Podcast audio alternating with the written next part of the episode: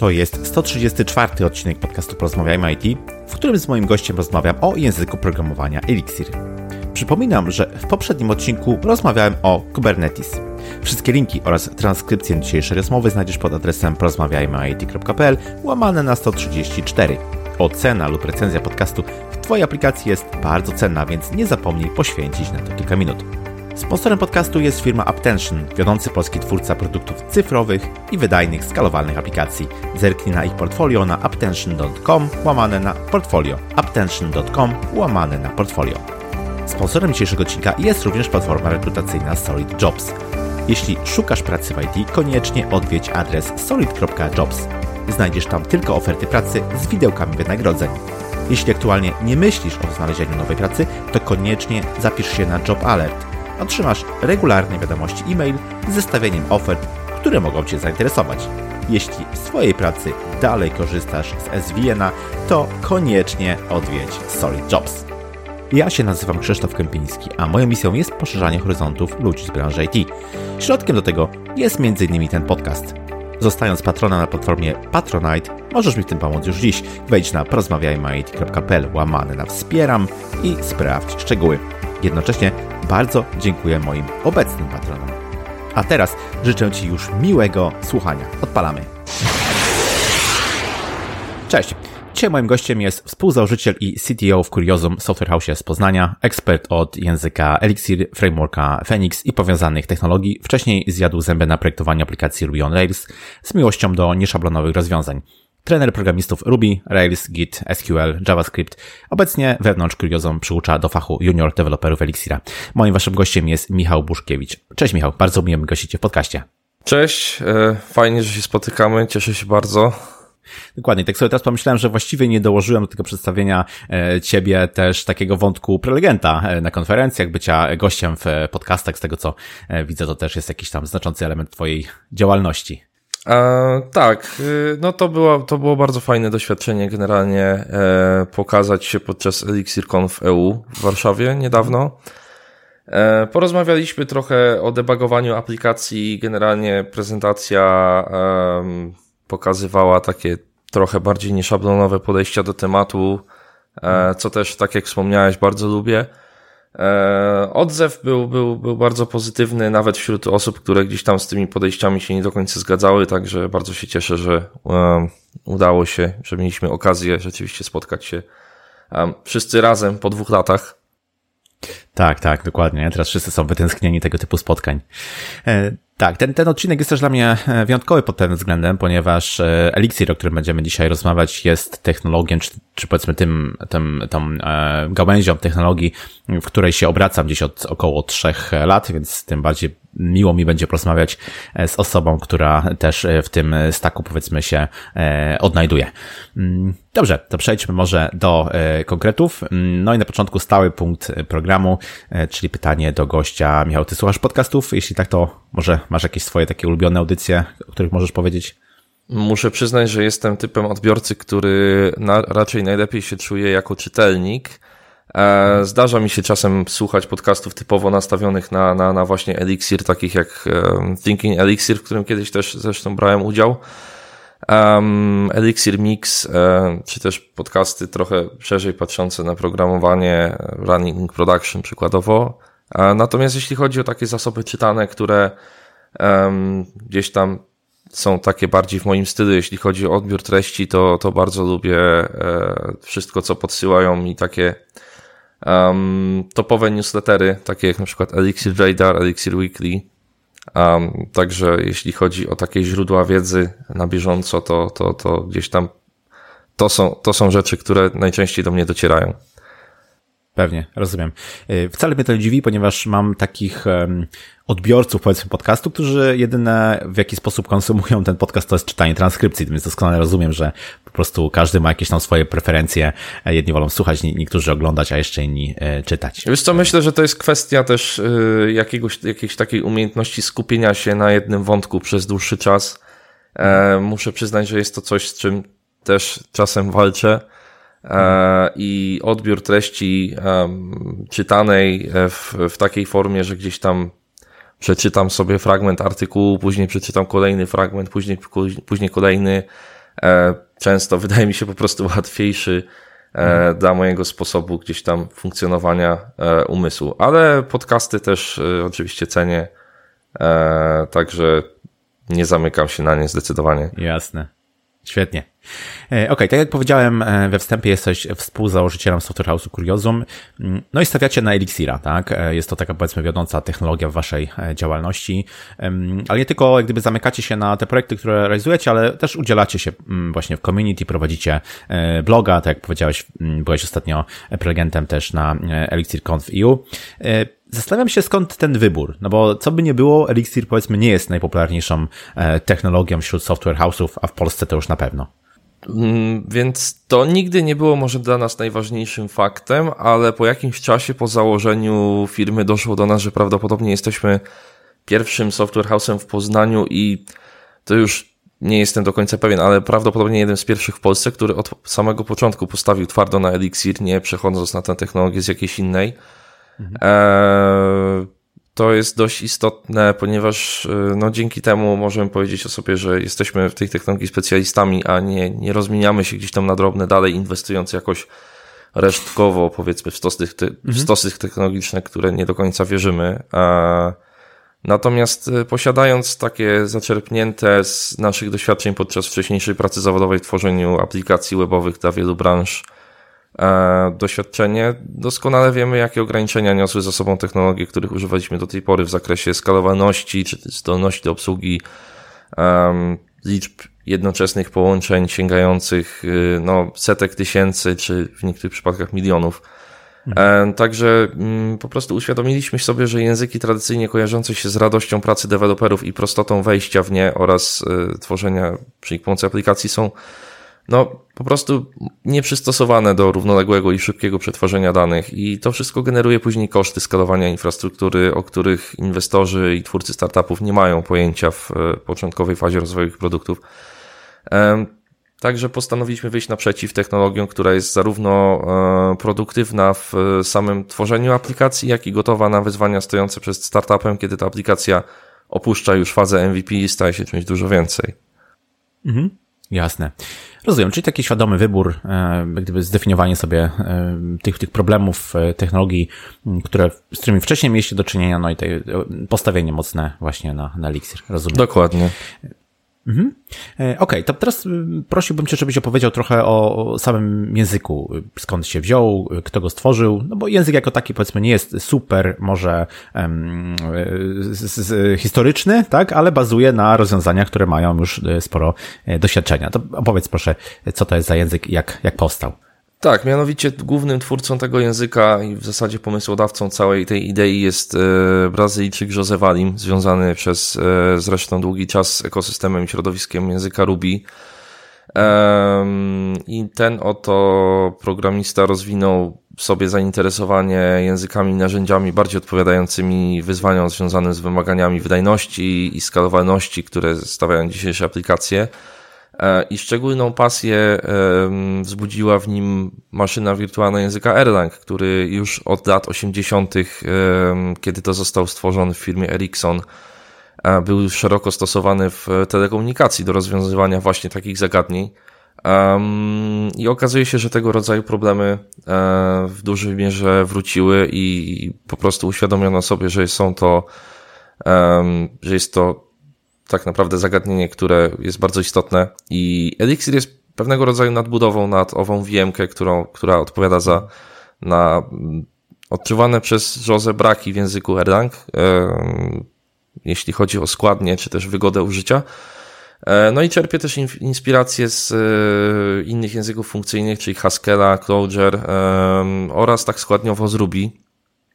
Z pierwszego z nich zaczerpnął między innymi konstrukcję pattern matchingu. Mm, drugi z nich dał początek pewnym koncepcjom związanym z organizacją kodu i takim różnym syntactic sugarom, a trzeci to jest, to jest e, tak naprawdę stylistyka składniowa.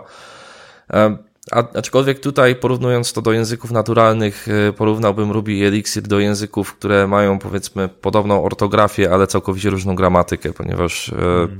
no, jest często takie mm, sprzedawanie Elixira jako języka podobnego do Rubiego, co jest dość, powiedziałbym, powierzchowne, jeśli nie bzdurne. Tak, na pierwszy rzut oka tak się może wydawać, ale pod spodem zupełnie inne mechanizmy. Tak, to też wynika, to też wynika z, z tego, że, że, że trochę zazębia się tutaj to community, tak? Sami twórcy zresztą byli, byli z językiem Ruby też związani i gdzieś tam dość mocno się przyczynili do, do, do mhm. rozwoju jego ekosystemu, także tutaj, tutaj powiedzmy jest dużo zbiegów okoliczności, a, a mało tak naprawdę jakichś faktycznych powiązań.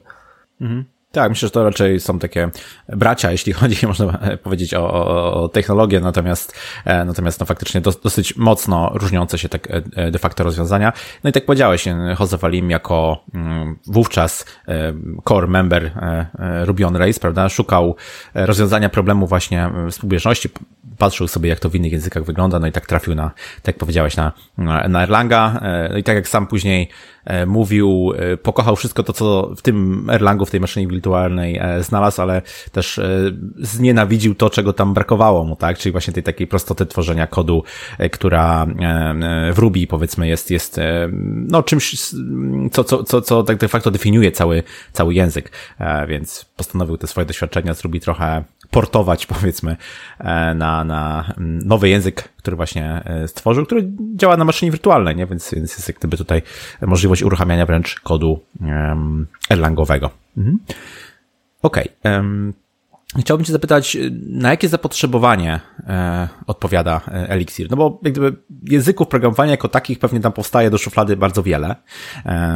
Niektóre giną tak samo szybko, jak, jak, jak powstają, ale Elixir jakoś tam się wybił, czy, czy, czy, czy, czy wybija. W związku z tym należy podejrzewać, że faktycznie zaspokaja jakiś problem, czy jakąś, jakąś niszę. E, mógłbyś coś takiego wymienić, jeśli chodzi o Elixira? To jest pewnego rodzaju sweet spot między um, efektywnością, prostotą kodowania, a jakością wyników pracy, można tak y, to, to najkrócej określić.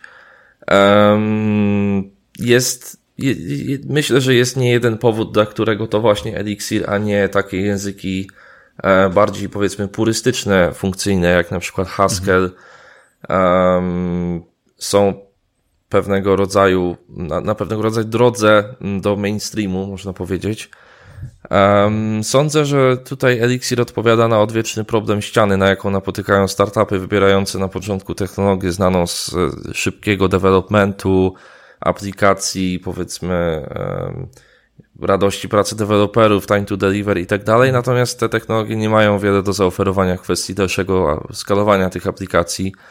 Um, oczywiście samo zastosowanie odpowiedniej technologii, czyli tutaj Elixira, nie jest gwarancją czegokolwiek, dlatego że są również, jest, jest, jest masa projektów źle prowadzonych i wykorzystujących to w nie do końca świadomy sposób, no ale charakterystyka języka i tego toolsetu sprawia, że no jednak daje większe możliwości i wprowadzi w naturalny sposób do lepszych rozwiązań.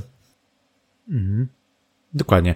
Dobrze, teraz może y, wejdźmy trochę w to, jak jest e, ten język zbudowany, jak wygląda e, konstrukcja tego języka, jak wygląda architektura środowiska uruchomieniowego. Byś mógł tutaj rzucić trochę światła. Mm, tak, e, no to zacznijmy właściwie od narzędzi dzielonych z językiem Erlang, czyli BIM, maszyna wirtualna, która z kolei jest częścią OTP, czyli Open Telecom Platform, który jest po prostu zestawem standardowych bibliotek i narzędzi dla języka Erlang. I jest to ta podstawa, która zapewnia właśnie skalowalność i E, fault tolerance, czyli taką kolejną e, ważną cechę zarówno Erlanga, jak i Elixira. No i do bytecodu tej właśnie maszyny wirtualnej kompilowane są zarówno aplikacje w języku Erlang, jak i Elixir. I tutaj e, same cechy tej maszyny wirtualnej są zdecydowanie ważniejsze od tego, co czasami wspomina się jako istotne w przypadku maszyn wirtualnych, no choćby Java, czyli jakiejś tam wieloplatformowości i tak dalej. Tutaj tak różowo nie jest, jeśli chodzi na przykład o uruchamianie kodu skompilowanego w jednej platformie e, na drugiej platformie, e, ale nie jest to e, najważniejszy tutaj aspekt nie na tym się skupiamy. Natomiast istotną cechą samego języka jest fakt, że mm, można powiedzieć, zadania jego własnego kompilatora są relatywnie skąpe. Biorąc pod uwagę fakt, że znaczna część kluczowych konstrukcji języka jest zbudowana przy pomocy makr, czyli takich funkcji, e, zwraca, przyjmujących pewne dane i zwracających kod. E, no i tak przykładowo słówko tworzące funkcje, czyli def jest również zdefiniowane jako makro. Tak, w kodzie źródłowym e, samego języka można dokładnie zauważyć, co dzieje się w trakcie definiowania funkcji, jak jest gdzieś tam rejestrowana i tak dalej.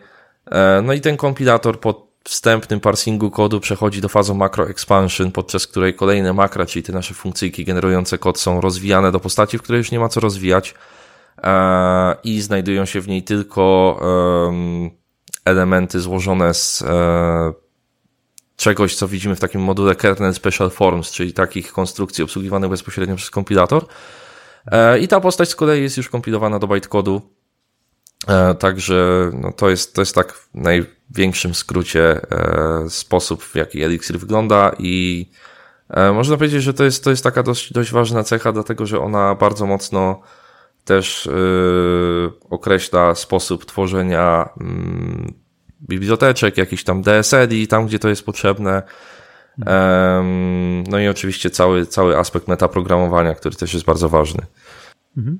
Właśnie, to jest ciekawa rzecz, że całkiem spora część Elixira jest obecnie napisana w Elixirze, tak de facto, nie? Dokładnie. E, to jest, to jest, to jest, to jest fajna rzecz, a mm, to, co, po, to, to, co powiedziałeś, że ten, ten bytecode, czyli Elixir kompilowany do bytecode'u uruchamiany, uruchamianego później na maszynie wirtualnej, to jest takie trochę, tak jakby, jak to się mówi, stać na ramionach gigantów, tak? Czyli opieramy, e, bazujemy na tym, co przez dziesiątki lat tak naprawdę, jeśli chodzi o maszynę wirtualną Erlanga, było rozwijane e, i, i na tym dokładamy jeszcze coś, co pozwala mm, w przyjemniejszy sposób, w łatwiejszy, bardziej dostępny e, pisać właśnie e, oprogramowanie.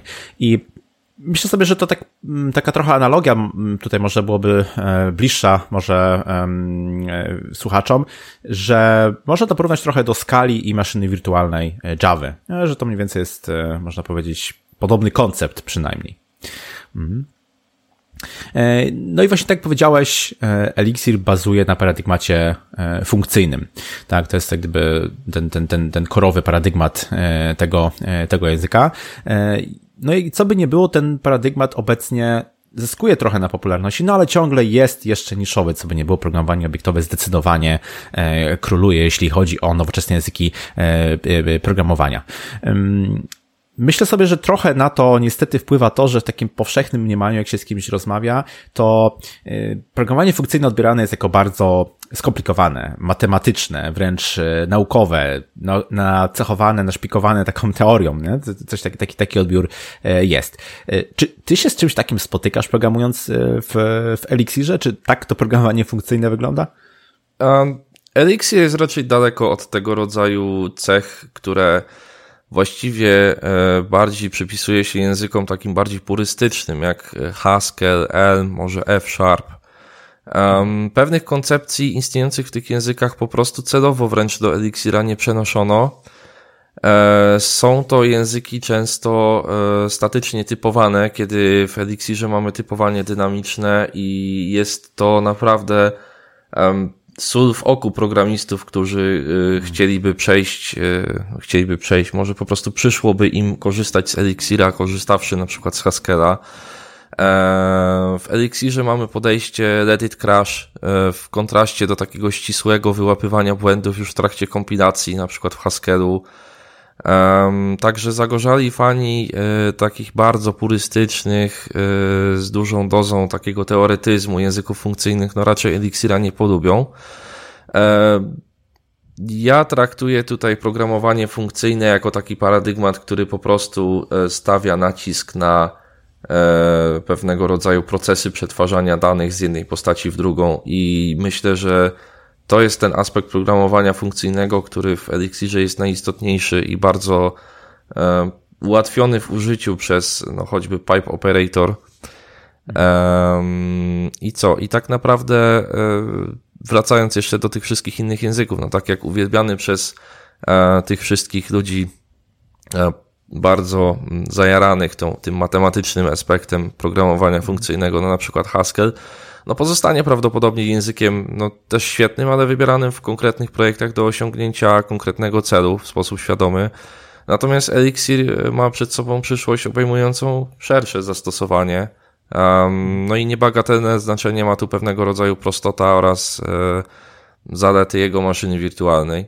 E, natomiast w porównaniu z językami obiektowymi, do których można powiedzieć dobudowano pewne elementy programowania deklaratywnego czy też funkcyjnego, w zasadzie wszystkie znane nam e, współcześnie języki jakieś takie elementy posiadają. No zdecydowanie największym plusem jest tutaj imutowalność danych i całkowity brak obiektowości, jakkolwiek dziwnie to brzmi dla kogoś przyzwyczajonego do OOP.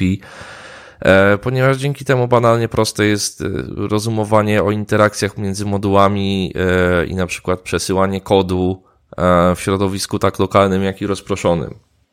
Mhm. Tak, myślę tutaj, że istotna jest też taka praktyczność i pragmatyczność tego, nie? Jednak Erlang jako język służący e, w telekomunikacji musiał być bardzo e, pragmatyczny i tak samo tutaj mam wrażenie, że wszystkie te e, koncepty programowania funkcyjnego, które występują i w Erlangu i w Elixirze właśnie też są, właśnie temu też mają służyć, tak? Tutaj nie chcemy teoretyzować, tylko chcemy mm, faktycznie zająć się budowaniem czegoś, co po prostu będzie na produkcji działało. A jeśli mówimy już o produkcji i mówimy o tych zastosowaniach, e, to teraz chcę zapytać, jakie no, takie najszerzej używane frameworki, biblioteki, właśnie zastosowania Elixira e, są powiedzmy znaczące i godne odnotowania. Nie da się ukryć, że jeżeli rozmawiamy o aplikacjach eliksirowych gdzieś tam w webie, no to najczęściej myślimy o Phoenix Framework lub któryś, e, któryś z jego składowych. Jest to framework który można porównywać w pewnym sensie do Ruby on Rails, jednak jest on bar bardziej zdecydowanie modułowo skonstruowany i zdecydowanie łatwiej poszczególne e, jego elementy gdzieś tam z siebie odłączać, jeżeli to jest potrzebne, z których tam rezygnować i tak dalej. Zresztą e, twórcy tego frameworka Nieraz otwarcie mówili, że e, korzystali z doświadczeń frameworków takich jak właśnie Ruby on Rails i hmm. pewne rozwiązania projektowe w nich zastosowane po prostu uznali za błędne i nauczyli się powiedzmy na, na swoich czy też cudzych błędach. Tutaj dość ciekawym e, elementem e, obecnie mm, jeszcze nie będącym w wersji 1x mm, jest Phoenix Live View, e, który w pewien sposób przypomina e, Reacta, ale jest to porównanie, które należałoby wieloma gwiazdkami tak naprawdę obwarować. Jest to de facto wykorzystanie możliwości maszyny wirtualnej Erlanga w zakresie umiejętności przetwarzania setek tysięcy procesów naraz do e, przeniesienia zarządzania stanem interfejsu aplikacji webowej tak naprawdę na e, nasz serwer, mm, który utrzymuje e, dla każdego połączenia z tym serwerem użytkownika, który wyświetla daną powiedzmy stronę, tak naprawdę osobny proces, który utrzymuje stan i przesyła go klientowi, czyli, czyli przeglądarce przez WebSockety, co też jest zresztą mocną stroną e, Phoenixa. E, dalej mamy też oczywiście frameworki stosowane często wspólnie z nim, na przykład e, AppSynth do mm, konstrukcji API w GraphQL-u, co też jest bardzo fajną sprawą. No, oczywiście nie wspominając o wszystkich tam innych bibliotekach, które no są niezbędne dla większości apek, no choćby Ecto do baz danych, hmm. które zresztą jest ciekawym e, podejściem do mapowania mm, mapowania e, tabel na struktury w naszym języku, gdyż rzecz jasna nie mamy tu do czynienia z językiem obiektowym, więc nie może to być mapowanie obiektowo-relacyjne, E, natomiast y, cechą tutaj taką główną jest to, że Ecto stara się być tak blisko um, koncepcji czysto SQL-owych, jak to jest możliwe. Um, I to jest troszeczkę inne podejście niż w wielu innych um, takich frameworkach ORM-owych. dalej, e, jest wiele do, gotowych bibliotek, które mm, gdzieś tam mm, pozwalają na interakcję z popularnymi usługami chmurowymi, no choćby z AWS-em. Także tutaj nie trzeba powiedzmy mm, wyważać otwartych drzwi, czy też wymyślać koło na nowo. Jest, e, jest wiele różnych klientów HTTP, e, które pozwalają na interakcję z jakimiś tam API, które musimy konsumować w sposób taki bardziej zorganizowany. Generalnie wszystkie takie biblioteki takich najpopularniejszych zagadnień, powiedzmy, e, z którymi mamy do czynienia w aplikacjach webowych są dostępne. E, a już odchodząc trochę od weba, mamy też oczywiście Nerves, czyli framework e, służący do budowy aplikacji IoT, głównie na poziomie takich urządzeń jak Raspberry Pi, co też jest bardzo fajnym zagadnieniem. Jak również jeśli chodzi o zupełnie inne zastosowania, to czasami szukam sobie jakichś takich e, zupełnie innych rzeczy i okazuje się, że jest na przykład framework do dwuwymiarowych interfejsów e, użytkownika jak Scenic albo framework do konstrukcji jakichś takich um, ładnych wizualnie dashboardów um, z użyciem również Reacta jak Kito. Także mhm. tutaj zastosowań jest naprawdę dużo. Um, wiele bibliotek, które e, zostały stworzone na przykład kilka lat temu i nie są do dzisiaj rozwijane, e, działa dzisiaj bez przeszkód. Z uwagi na to, że Elixir jest językiem, który mocno stawia na taką harmonijność rozwoju. E, w tej chwili jest to język, jeśli chodzi o feature'y z pierwotnego backloga zamknięty. One zostały wszystkie zrealizowane Um, I jedynie czasami pojawiają się jakieś deprecations, które tak naprawdę zostaną dopiero skasowane wtedy, kiedy powstanie Elixir 2.0.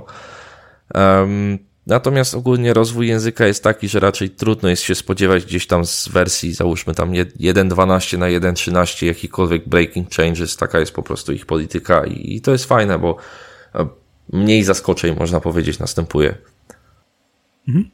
Tak, no nie da się ukryć, że web to jest to najmocniejsze obecnie zastosowanie e, Elixira, tak zwłaszcza z, z Phoenixem, właśnie z bardzo dobrą obsługą e, WebSocketów, e, PubSubem, który jest w stanie naprawdę uciągnąć mnóstwo jednoczesnych połączeń, tak, z, z Live View, gdzie jesteśmy w stanie jak gdyby zamiast renderować cokolwiek za pomocą JavaScriptu, tak naprawdę odpytywać backend przez, przez WebSocket i uaktualniać ten interfejs, dajmy na to, w czasie rzeczywistym. Tutaj wręcz robi się jakieś mm, animacje, tak, które są generowane e, na, e, na serwerze, tak, i poprzez właśnie WebSockety przesyłane do, do przeglądarki z minimalizacją JavaScriptu prawie, prawie e, do zera.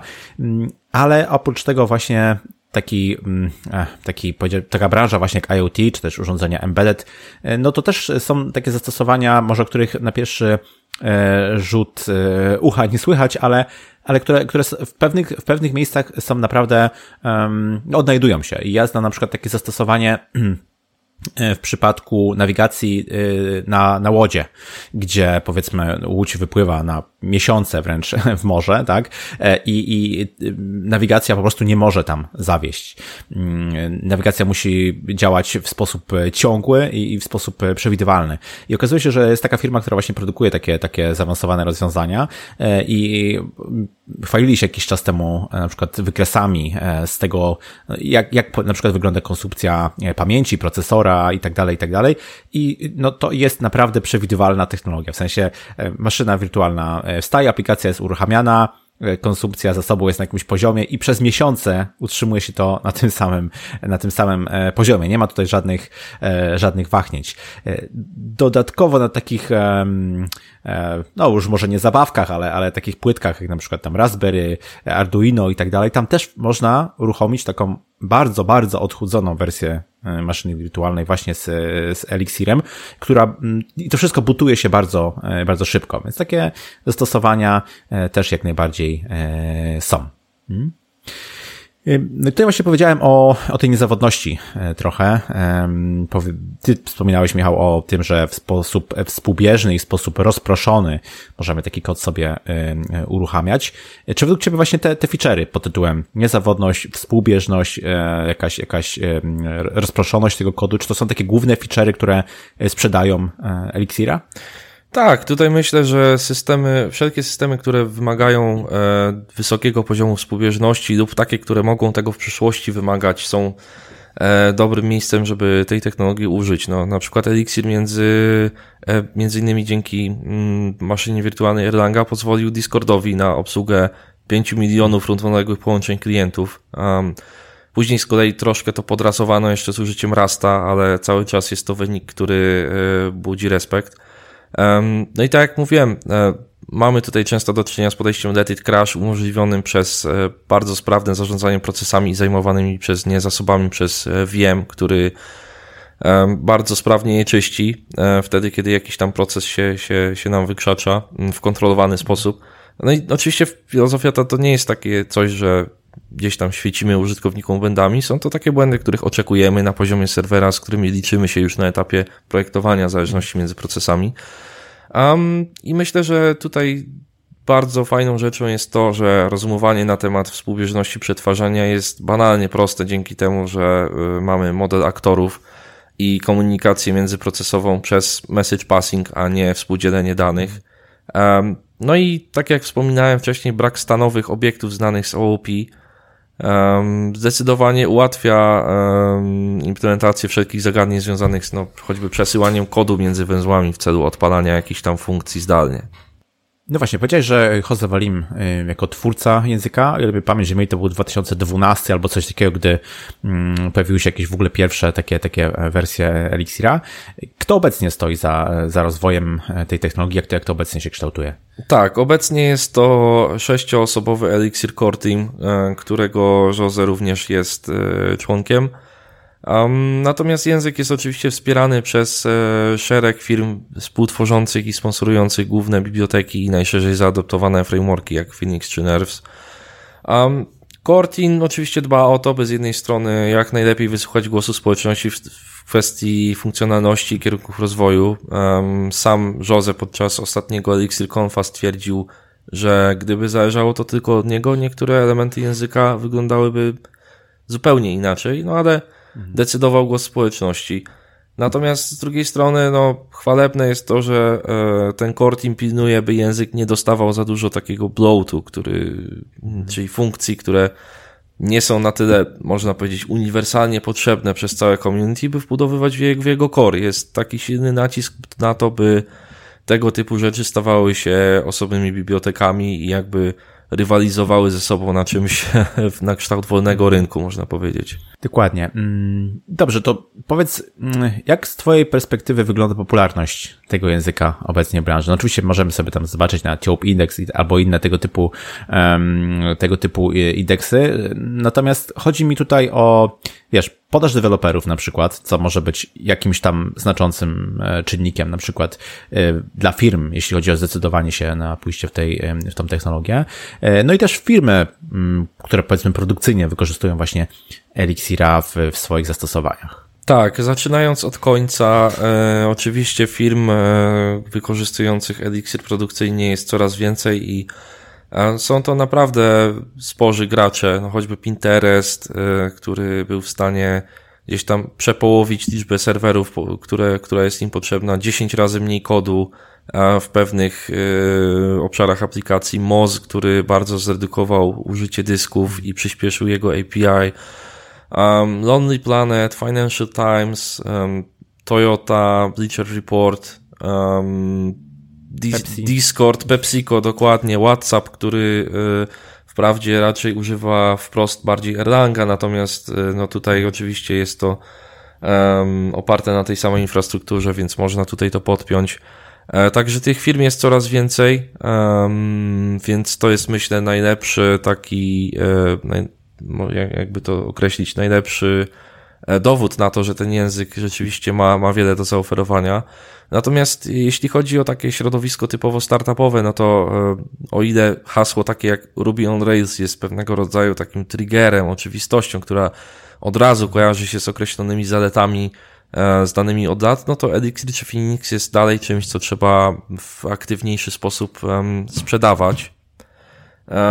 Wzbraniałbym się jednak przed takim stwierdzeniem, że jest to technologia niszowa, może raczej bym powiedział mniej oczywista, jeśli chodzi o jej wybór do określonych celów. Natomiast y, no tak jak mówiłem, coraz więcej naprawdę dużych graczy kojarzonych z webem i nie tylko chwali się użyciem Elixira, co jest, co, co, co jednak dobrze świadczy o jego sile przebicia. Natomiast e, wracając do, do rynku pracy, no nie da się ukryć, że rynek pracy jest trudny. Większość e, deweloperów przechodzi do Elixira z e, innych języków na poziomie takim powiedzmy przynajmniej regularowym. Podaż takich osób jest relatywnie niewielka, gdyż zdolni deweloperzy bardzo szybko znajdują zatrudnienie. Um, można powiedzieć, że podaż w pewnym sensie nie nadąża tutaj za popytem, który zdecydowanie jest widoczny zarówno w e, software house'ach, które korzystają z tego e, języka, jak i w e, startupach, które działają na własną rękę. Czasami powstaje w ten sposób troszeczkę niezdrowy wyścig, którego efektem wcale nie jest udana rekrutacja zarówno w takich firmach bardziej produktowych, jak i software house'ach, no ale trzeba się z tym liczyć.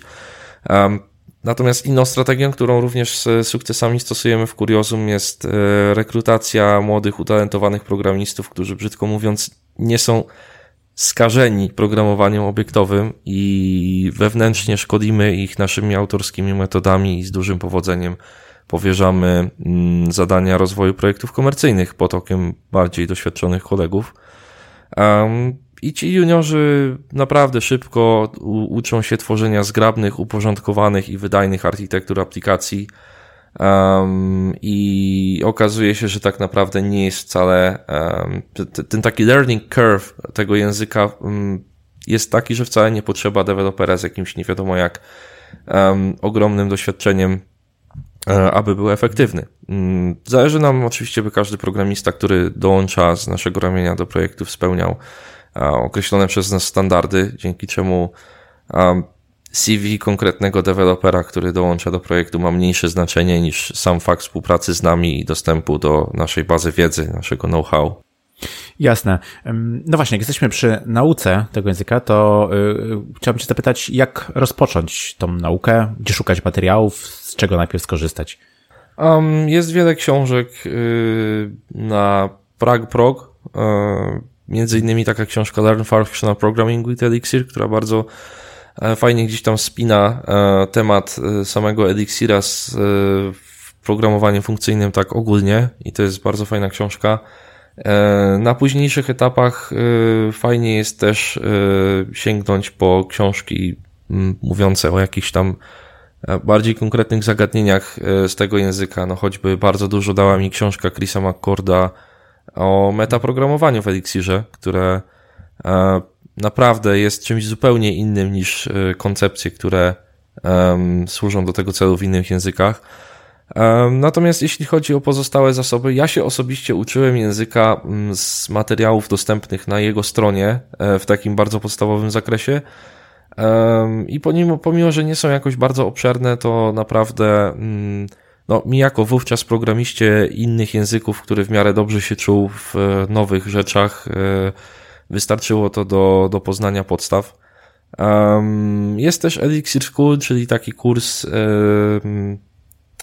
kurs dostępny też za darmo online, który traktuje to trochę obszerniej.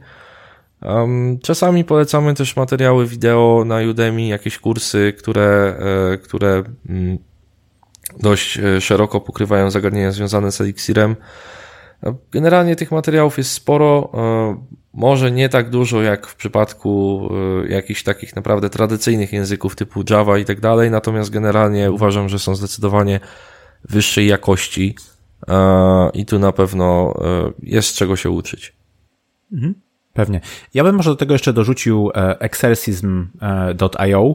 To jest taki system do właśnie ćwiczenia swoich umiejętności programistycznych, oczywiście w wielu językach, między innymi e, w Elixirze, gdzie powiedzmy rozwiązuje się e, poszczególne e, zadania, one tam powiedzmy mają rosnący poziom trudności. Swoje rozwiązanie możemy oczywiście sprawdzić lokalnie, ale też wysłać na, mm, na, ten, na ten system, do tej, do tej platformy i tam liczyć na komentarz, na sprawdzenie swojego rozwiązania tutaj gdyby w takim przyjaznym środowisku, to też jest gdyby fajny sposób, żeby albo rozpocząć rozpocząć e, właśnie naukę albo podszkolić się, e, robiąc sobie takie, takie codzienne katy, takie, takie codzienne e, tutaj testy. Mhm. Ja, bo ty wspominałeś o tym, że na przykład mm, rekrutujecie, czy też przyjmujecie osoby, które douczacie do, do, do Elixira. Ja mam bardziej doświadczenie z osobami, mm, które powiedzmy migrują do Elixira, w tym sensie, że mają już jakieś doświadczenie, nieraz nawet całkiem duże, mm, w programowaniu w innych językach. Obiektowych, zazwyczaj, zazwyczaj obiektowych. Czy, czy taka tranzycja według Ciebie, kiedy ktoś już faktycznie ma jakiś ten warsztat, ale taki no mocno obiektowy i chce przejść na, na Elixira, czy to tranzycja Jest łatwa, jest trudna, czy, czy ma to w ogóle jakieś znaczenie, że ktoś ten bagaż doświadczeń obiektowych e, duży już posiada? Oczywiście ma to duże znaczenie i to wszystko zależy od tego, czy tranzycji tej dokonuje utalentowany programista, solidny deweloper, który um, rozumie różnice paradygmatów i jest gotowy, by ich świadomie, można powiedzieć, nie mieszać. Um, czy jest to koder, który robi to, można powiedzieć, z musu, zostaje wrzucony na głęboką wodę, znając uprzednio, powiedzmy, PHP lub jakiś tam inny język. Um, widzieliśmy na własne oczy wiele przykładów, w których do programowania w języku e, funkcyjnym zabierały się osoby, które kompletnie tego paradygmatu nie rozumiały. Także dużo to zależy od umiejętności konkretnej osoby. Natomiast, y, tak wspominałem wcześniej o pewnej powtarzanej często opinii o podobieństwie Elixira do Ruby, y, mówiąc te, teraz trochę o ludziach, którzy, którzy robią tego rodzaju przejście, no tak zresztą jak i ja. E, I trzeba uważać, żeby osobie uczącej się eliksira, czy też chcącej e, potencjalnie to robić, nie wyrządzić w ten sposób troszeczkę krzywdy, bo to jest trochę tak, jakbyś powiedział, że turecki jest podobny do polskiego, bo, bo mają podobne alfabety. Um, tutaj w eliksirze oczywiście mamy całkowity brak obiekt, yy, obiektowości. Um, imutowalność danych. No i tą kolejną najważniejszą różnicą jest podejście do metaprogramowania, ponieważ oba języki są hmm bardzo elastyczne, ale na kompletnie różne sposoby, gdyż y, w Rubim właściwie wszystko można monkey patchować dosłownie w dowolnym momencie w runtime. Klasy i metody można sobie definiować wedle uznania. W Elixirze monkey patching jest praktycznie niemożliwy e, by design, a magiczne generowanie kodu odbywa się w trakcie kompilacji przez ten mechanizm makro, o którym wspomniałem. No i zasadniczo z chwilą skompilowania apki i moduły są zamknięte na wszelkie dodatki, które w Rubim można dodawać kiedy się chce. To jest bardzo ważna różnica na etapie, w którym na przykład jako senior developer Rubiego jesteś asem tworzenia DSL i przy pomocy metod missing, define method i innych kruczków, a nagle stoisz przed e, językiem tak, takim jak Elixir, w którym, aby ogarnąć metoprogramowanie, musisz zrozumieć, jak działa choćby AST, parser, no i inne zagadnienia z e, makrami związane. Um, I to jest element, który mi prawdopodobnie sprawił naj, no, więcej problemów niż sam fakt odejścia od paradygmatu obiektowego do funkcyjnego. No tak, czy ta świadomość tego, co się, co się robi, jest tutaj e, kluczowa. Mm, Okej, okay, to teraz e, może trochę niewygodne pytanie, ale chcę cię zapytać, jakie są problemy, braki w twojej opinii, jeśli chodzi o ten język, ten ekosystem? Um, jeśli chodzi o problemy, z którymi mierzymy się, jeśli chodzi o sam język, bo już nie, nie będę tutaj mówił powiedzmy o kwestiach um, już zupełnie poza, poza językowych, no to um, Czasami jest to słaba dokumentacja pewnych e, szeroko używanych bibliotek. E, być może ich twórcom czasami brakuje zapału, żeby ją utrzymywać. Czasem jest tak, że dokumentacja rzeczywiście kończy się na readme i jest to wszystko, z czym masz do czynienia. Um, czasami jest tak, że rzeczywiście tego zapału brakuje nawet na, na rozwijanie samych bibliotek, no na przykład biblioteka ARC, którą stosuje naprawdę mnóstwo osób, służąca do uploadu e, plików. E, poprawcie mnie, jeśli się mylę, ale cały czas jest y, nieutrzymywana przez jej pierwotnych twórców. Um, natomiast y, inne braki. No ostatnio, ostatnio byłem na e, ElixirConfie właśnie z prezentacją na temat debugowania i generalnie cały czas e, szukam takiego złotego środka, jeśli chodzi o narzędzia do, do e, analizy kodu pod kątem błędów, które w nim wystąpiły. Także mm, są pewne braki. E, no, nie będę tu nawet wspominał o tym, że e, o sytuacjach, w których gdzieś tam widzę dostępne e, gotowe biblioteki konsumujące jakieś tam API dla innych języków i ich brak do Elixira, dlatego że to jest naprawdę hmm. rzecz o mniejszym znaczeniu, jeśli, jeśli API, o którym rozmawiamy, jest dobrze udokumentowane i da się po prostu zrobić dobry klient HTTP do tego celu, także to jest, e, to jest naprawdę coś, coś mniej istotnego. E, generalnie czasami pojawia się też temat y, czasów kompilacji. Jest to coś, nad czym zespół Elixira bardzo mocno pracuje od kilku przynajmniej wersji. Jest naprawdę wyraźna poprawa w stosunku z tym, co było na przykład w Elixirze 1.8. Głównie związane jest to z pewnymi szczegółami dotyczącymi śledzenia e, zależności pomiędzy modułami e, i tego, jakiego rodzaju zależności powinny skutkować e, automatyczną rekompilacją danego modułu i tak dalej. Natomiast ja tutaj widzę naprawdę na tyle ciągły i znaczący postęp, że ufam, że akurat te braki zostaną w pewnym momencie zażegnane i ten czas kompilacji oczywiście będzie się poprawiał. Także tu jest naprawdę, mm, tutaj jest naprawdę dobrze, jeśli chodzi o odpowiedź na, na tego rodzaju problemy. Jasne, rozumiem. E, chciałbym jeszcze nawiązać do tego, co mówiłem, że pokutuje takie e, powszechne mniemanie, że języki funkcyjne są trudniejsze niż e, obiektowe i przez to może się wydawać, że rozpoczynanie swojej przygody programistycznej od języków funkcyjnych to może nie być dobry pomysł, tak? Że trzeba na początku trochę nasiąknąć um, doświadczeniem, wiedzą i dopiero później ewentualnie dokonać takiej e, tranzycji. Mówiliśmy już, że to oczywiście nie jest e, prawda, ale chcę Cię jeszcze zapytać, czy według Ciebie Elixir to jest dobry język na start e, w programowaniu? E, powiem tak, e, chciałbym, żeby tak było, e, natomiast czy tak jest, to, to w zasadzie zależy od tego, jakie są powiedzmy cechy um, takiego potencjału intelektualnego osoby, która um, mhm. uczy się programowania, ponieważ są osoby o bardzo różnych predyspozycjach. Jeśli, e, jeśli osoby, o których mówimy, mają typowo taki ścisły umysł, e, no to jak najbardziej programowanie funkcyjne mm, ma przed sobą interesującą przyszłość dla takich ludzi. E, ja bym naprawdę chciał spotykać na swojej drodze coraz więcej osób, które w ogóle są, że tak to ujmę, nietknięte takimi zwyczajami związanymi z programowaniem e, obiektowym.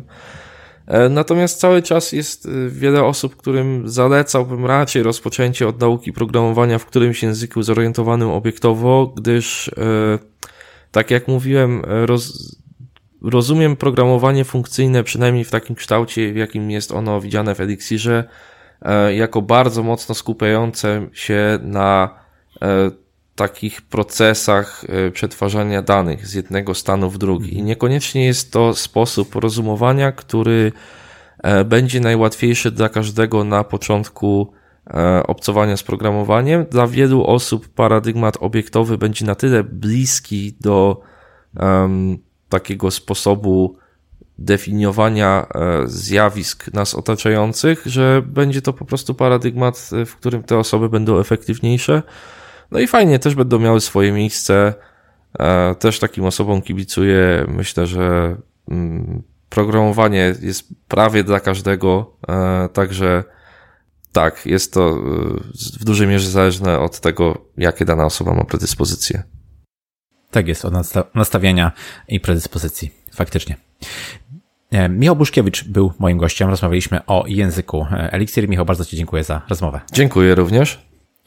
Na końcu zapytam Cię jeszcze, gdzie Cię można znaleźć w internecie, jak się z Tobą skontaktować, gdzie poczytać e, Twoje blogposty. Oczywiście, dość często piszę mm, content na naszym blogu kuriozum.com, także tam przede wszystkim zapraszam po um, jakieś takie większe kawałki mojej twórczości. Um, zapraszam też na mój profil na LinkedInie. E, jeśli chodzi o Twitter, głównie e, głównie e, można mnie znaleźć na naszym profilu firmowym kuriozum podkreśnik dev.